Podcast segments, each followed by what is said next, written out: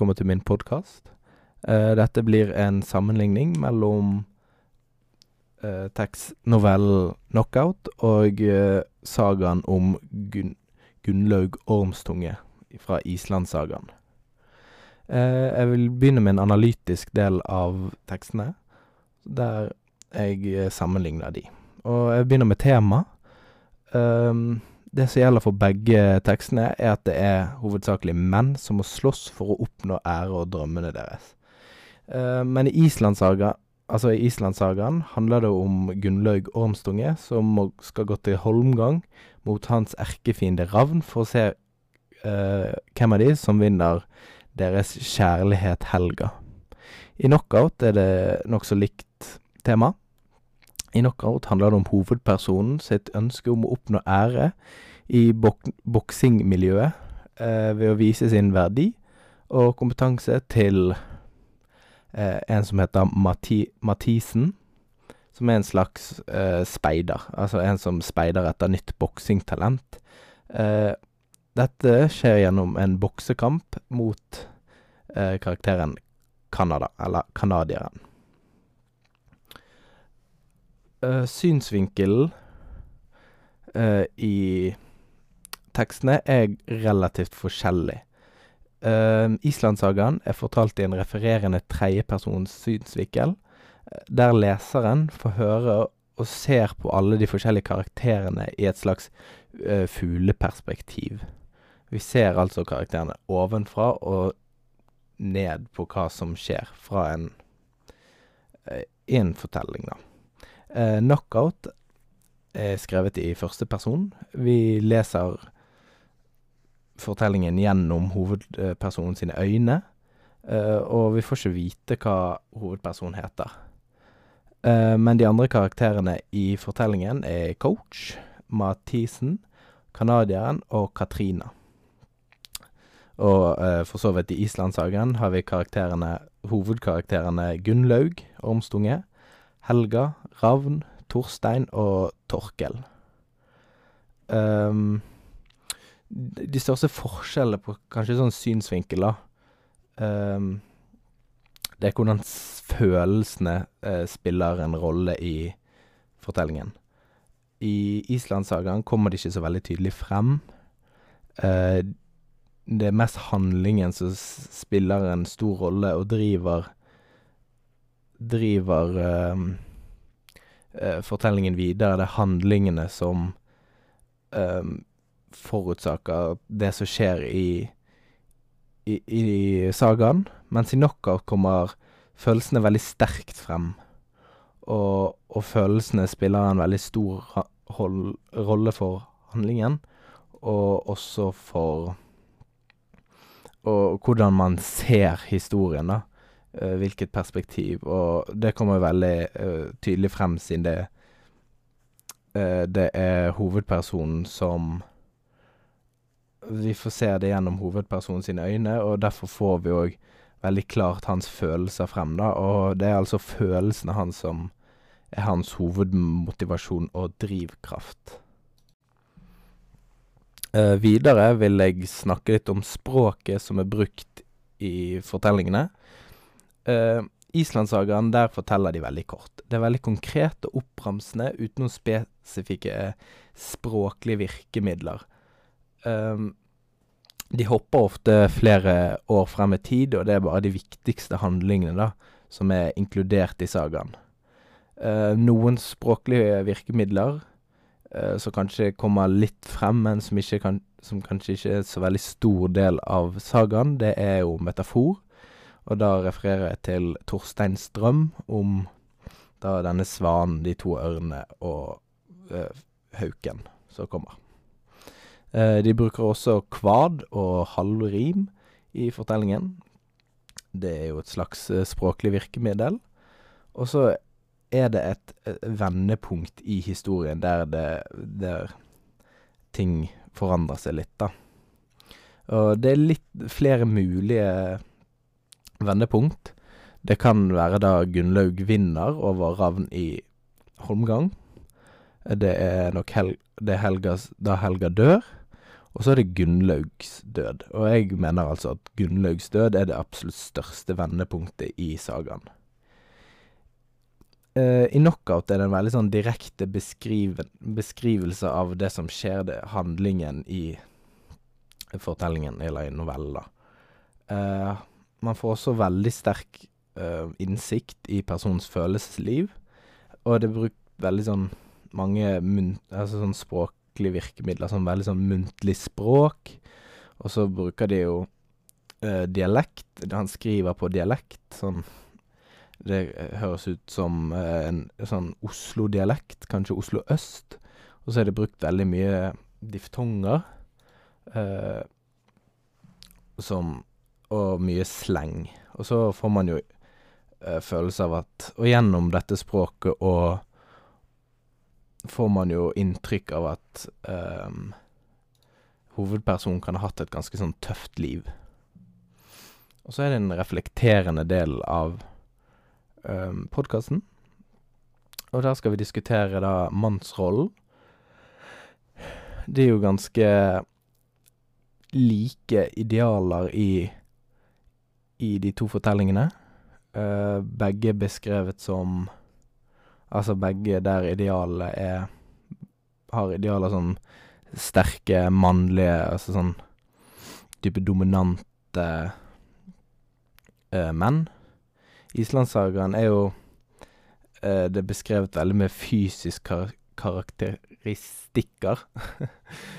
idealet, det er jo å være sterk, snarrådig, velbygget og attraktiv, pen å se på. Og så er det også bråsint lynne, da, blir nevnt i sagaen.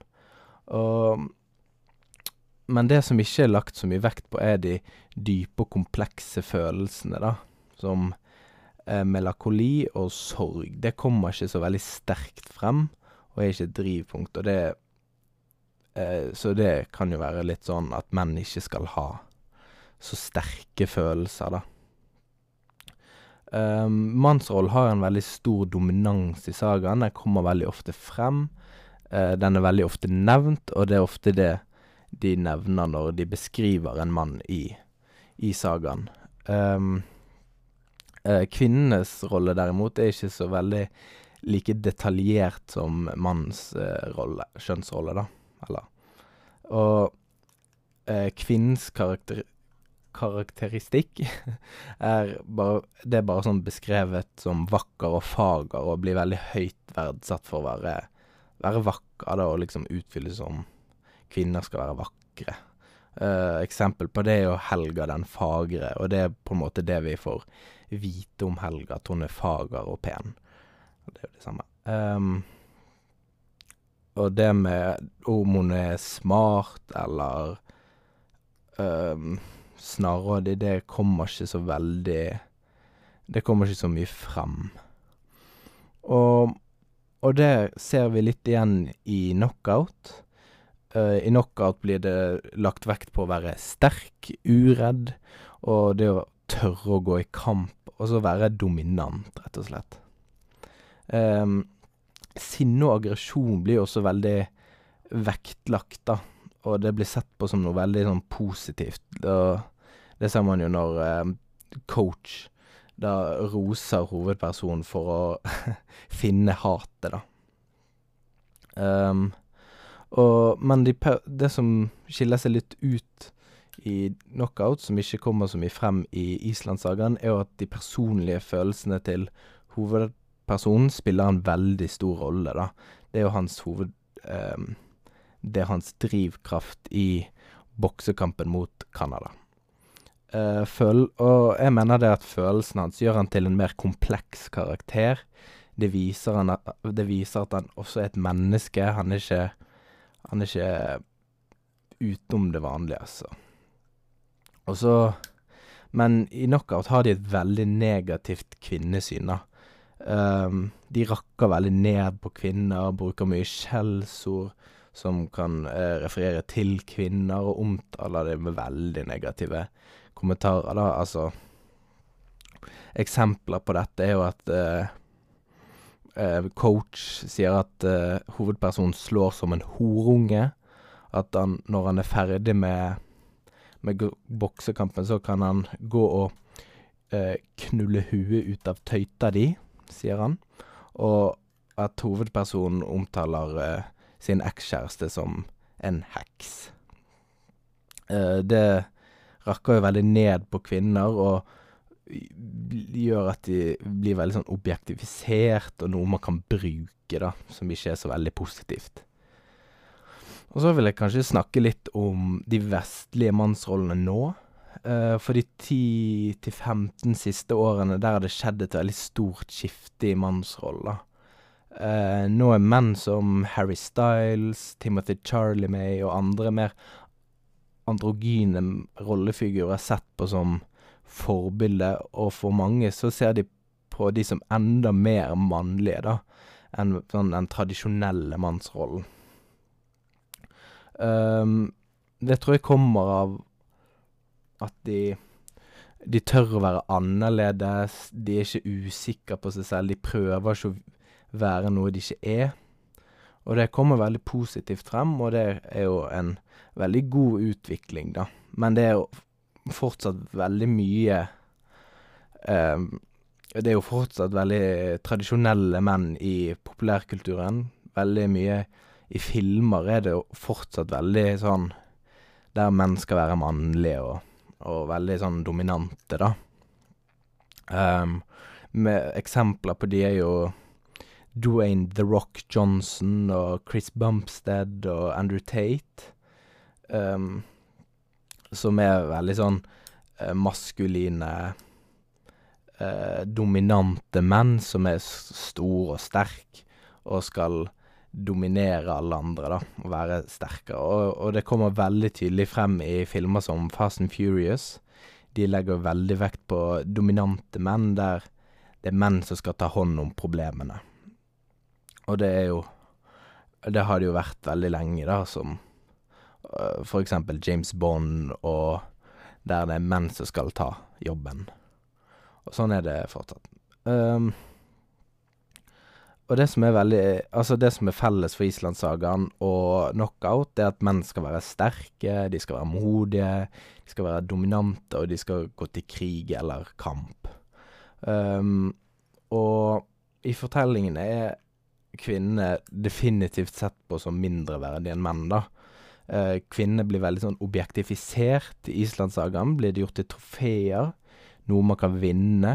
Det, I Knockout blir kvinnen sett på som et sexobjekt, eh, og noe hovedpersonen kan bruke, da. Og det er jo Begge ser jo ned på kvinner, men i Etter min mening så er det eh, Har de et litt mer positivt kvinnesyn akkurat i i Islandssagaen, tro det eller ei. um, for der er jo hun fager, hun er pen. Hun er sett opp til for å være en veldig pen kvinne. Men fortsatt mindre verdig enn menn, da. Og så noe jeg vil ta inn i konklusjonen, det er at man skal være ganske forsiktig med å konkludere bombastisk mannsidealet fra Islandssagaen. Sagaen er jo ikke skrevet i sanntid, den er ikke skrevet når handlingene ble utført. Den er altså skrevet to eller 300 år etter hendelsene, da. Og det vil jo si at forfatteren og historikerne deretter vil være ganske preget av deres egen tids kjønnsroller, da. Og kjønnsmønster. Altså, de vil eh, eh, De vil jo tenke at det var sånn som eh, At eh, kjønnsrollene var like som de var Som de er på den tiden de analyserer eh, sagaen. Um,